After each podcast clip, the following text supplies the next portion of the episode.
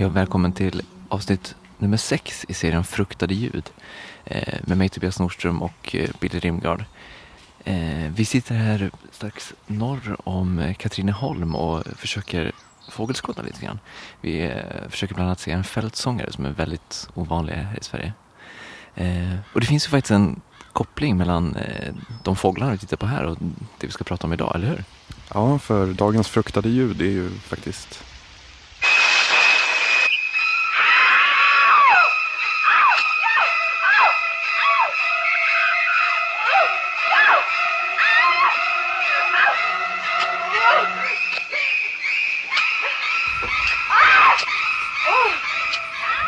Kan man kalla dem psykostråkarna?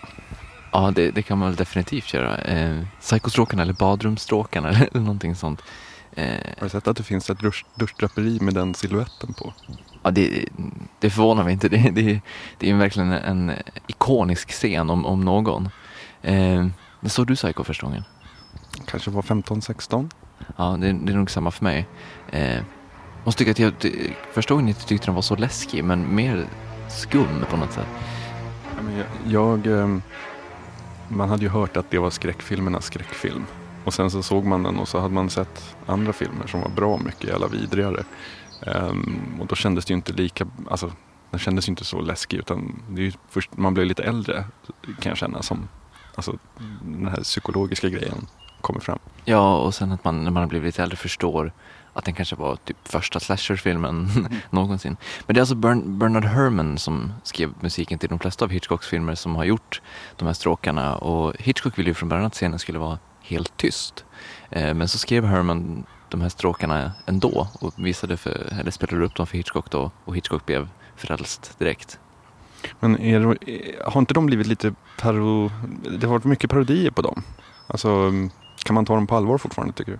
Alltså jag tycker definitivt det. Eh, visst, de har dykt upp i mycket så här, det finns en briljant eh, scen i Simpsons när de används bland annat. Simpsons har gjort Psycho Spoofs sen, sen de började men, eh, men jag tycker definitivt att de, eh, de har någonting genuint skräckinjagande i, i sig på något sätt. Hela den här, den här höga tonen och just det att de går i takt med det här huggandet liksom.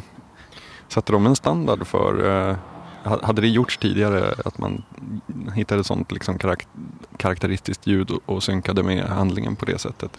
Jo, det hade det gjort. Men, men, eh, men det som är unikt med Psycho är att det är en väldigt tidigt exempel på när, när det samverkar på ett sånt sätt att höja spänningen. Alltså ljudhuggen blir ju nästan som ett hugg i bröstet på, på publiken. Liksom. Eh, alltså hela scenen är ju fantastisk. Den är så tagen i 77 olika vinklar fast den bara är tre minuter lång. Eh, så att Ja, det är helt klart en favoritscen. Det finns en annan scen i Psycho där han blir stoppad eh, av polisen på vägen. Och polisen ser exakt ut som Pet Shop Boys vid Very-åren, som parentes. det är ju faktiskt jätteroligt. Eh, på tal om Pet Shop Boys, i, i Storbritannien så röstades ju det här, just det här ljudet fram till eh, 2009 tror jag det var, så röstades det fram till eh, det mest skräckinjagande ljudet någonsin det kan jag väl hålla med om kanske. Fast ja, vi har ju en ganska skön flora av fruktade ljud här. Så. Skräckingare filmljudet ska jag säga. Ja. Eh, men jag tycker helt klart att det har en, en plats i Pantheon. Verkligen, och det är därför den har blivit ett fruktat ljud här. Och eh, med det så avrundar vi härifrån och eh, försöker hålla ögonen öppna här efter de små ludna. Ja, det är... Vi får hoppas att vi ser något spännande här idag. Vi ses på fredag.